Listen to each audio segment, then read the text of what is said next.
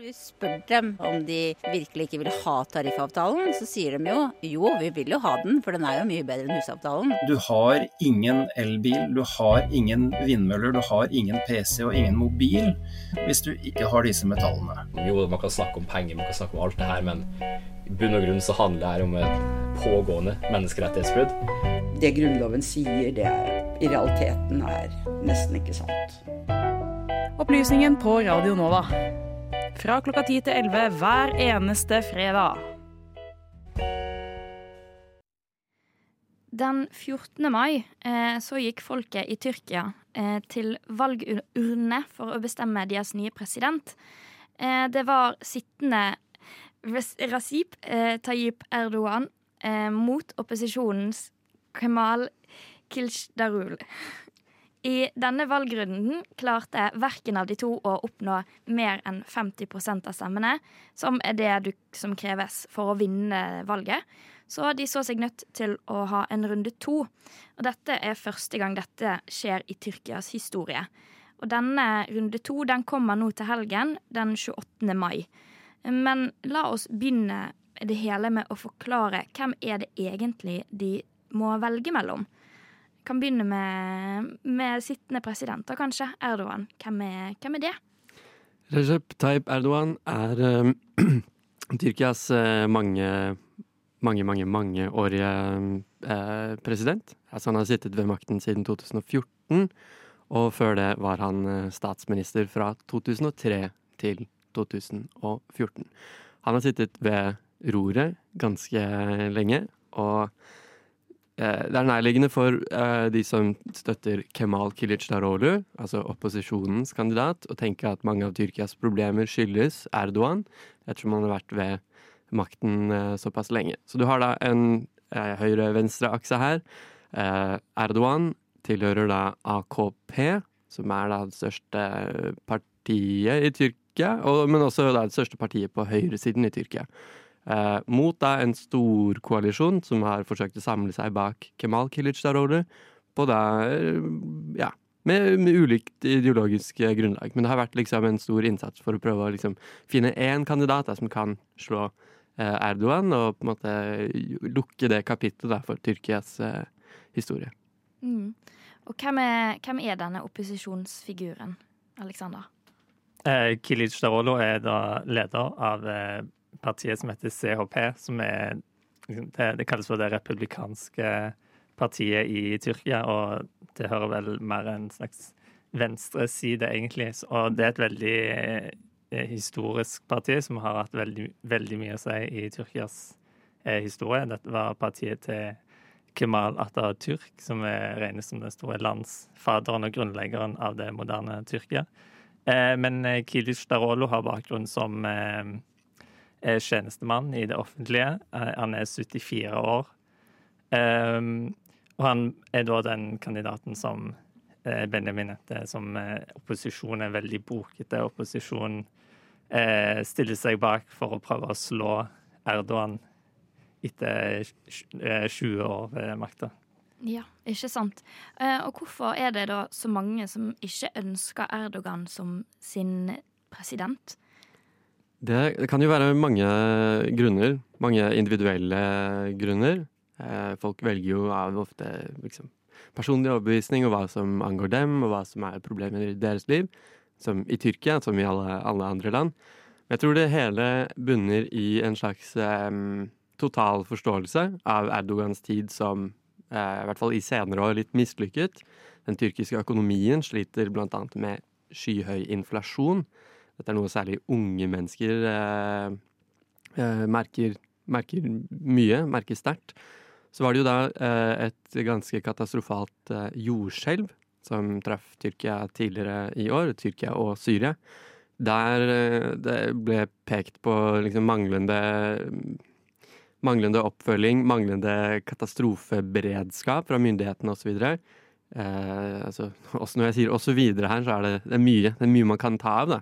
Jeg tror noen av disse grunnene var, var det i hvert fall forventet at skulle animere folk og ta dem til eh, valglokalene med en slags eh, Ja, med, med en med vilje om å, å, velte Erdogan og heller få på plass en ny eh, en, en ny president.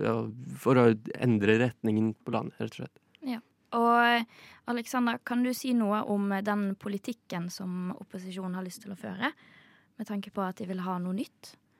Eh, ja, kanskje noe av det viktigste er at eh, de ønsker, sier de, et mer demokratisk eh, Tyrkia. Eh, med bl.a. eh, mer pressefrihet og eh, Erdogan-regimet blir jo sagt Man sier jo at det, de har ført en veldig autoritær politikk og har stramma inn demokratiet i Tyrkia i det, de sju årene de har sittet. Og det er det jo mange som eh, er veldig sterkt imot. Og, og opposisjonen er jo eh, så klart veldig imot det, og går eh, inn for at eh, nå skal, skal Tyrkia tilbake til et mer demokratisk styre. Og så vil de òg være en mer konstruktiv partner i Nato, sier de. Vi har jo sett hvordan Erdogan har blokkert Sverige sitt forsøk på å bli medlem av Nato, og har òg i andre sammenhenger skapt litt hodebry for eh, Nato-alliansen. Men eh, Kilic eh, sier at han vil være mer konstruktiv da, i så måte. Og så er det òg venta at forholdet til Russland kanskje vil forandre seg. At Darolo ikke vil være så Russland-vennlig som det Erdogan tidvis har vært det. Ja.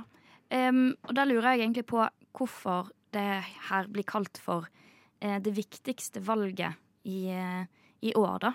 Er det noen av dere som har noen tanker på det? Ja, altså, det er jo ikke hvert år eh, et såpass stort land og så viktig land som Tyrkia eh, avholder valg som kan få liksom, to ganske tilsynelatende to ganske ulike utfall. Det er mye som står på spill. Um, jeg tror mye av um, den eh, polemikken og debatten og mediedekningen som kommer utenfra, eh, egentlig bunner i akkurat det spørsmålet. Hva er Tyrkia Altså, hvordan kan man se for seg Tyrkias bane da, fremover de neste fem-ti årene? Hvordan vil det påvirkes av dette valget her, og hva slags konsekvenser har det for sant, Nato, eh, Midtøsten, forholdet til Russland? Det er mange store spørsmål her som er oppe i, oppe i lufta. Og ikke minst det er også liksom det som Alexander var inne på her, med eh, politikken internt i Tyrkia.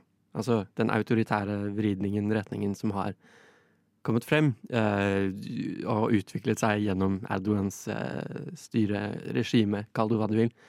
Så jeg tror viktigheten av valget i Tyrkia eh, med dette tatt i betraktning burde være sånn, burde være åpenbar. At oi, her er det mye som, som kan, kan skje. da. Potensialet er der. Men så er det jo dette med valget, da. Resultatene i seg selv. Ja, for eh, kravet er jo å oppnå 50% av stemmene, men dette lot seg ikke gjøre for verken eller av de to kandidatene. Um, og så nå er det jo straks uh, runde to, og da tenker jeg vi avslutningsvis bare drøfter litt. Hvordan tror vi det kommer til å utarte seg nå videre til helgen? Ifølge meningsmålingene så er det jo Erdogan som ligger best an, og ligger an til å få over 50% og han har jo fått og støtte fra en tredje kandidat. Eh, så det ser ikke så lyst ut for Kilic Darolo, men eh, eh, vi får se hvordan det utarter seg. Ja, hva tenker du, Benjamin? Jeg tror det er mm, jeg tror i utgangspunktet ikke det er så usikkert lenger. Det kanskje så ut som at det skulle være. Eh, Min spådom eh, er også at eh, Erdogan tar seieren eh, nå på søndag. Det ser veldig ser sannsynlig ut at det blir slik, og det er det er sånn det bare er, da. Det er mm, kanskje mange som heller skulle ønske seg noe annet. De er jo selvfølgelig skuffet. Og det som er kanskje uh, en utfordring når man har et presidentsystem med to valgrunder osv., er jo at i mellomtiden nå, de siste to ukene som har vært, så har kanskje opposisjonen mistet litt moment. Mistet litt eh, slagkraft og altså I det hele tatt er de jo ikke til stede på offent, altså, de offentlige TV-kanalene og sånn. Der får de jo ikke være engang. Eh, men altså de, de siste to ukene, for deres del, burde man håpe at de liksom har brukt det produktivt og kan gjøre sitt aller beste. Men eh, det gjenstår da å se da, på søndag om de kan være en nevneverdig konkurranse, eller om det blir eh, mer eh, åpenbart en Erdogan-seier med margin. Og vi her i Opplysningen vi kommer til å følge saken nøyere.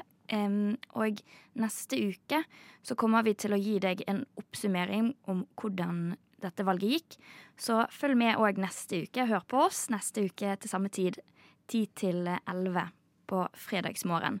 Men du får inntil videre bare kose deg litt med um, Nova Musikk.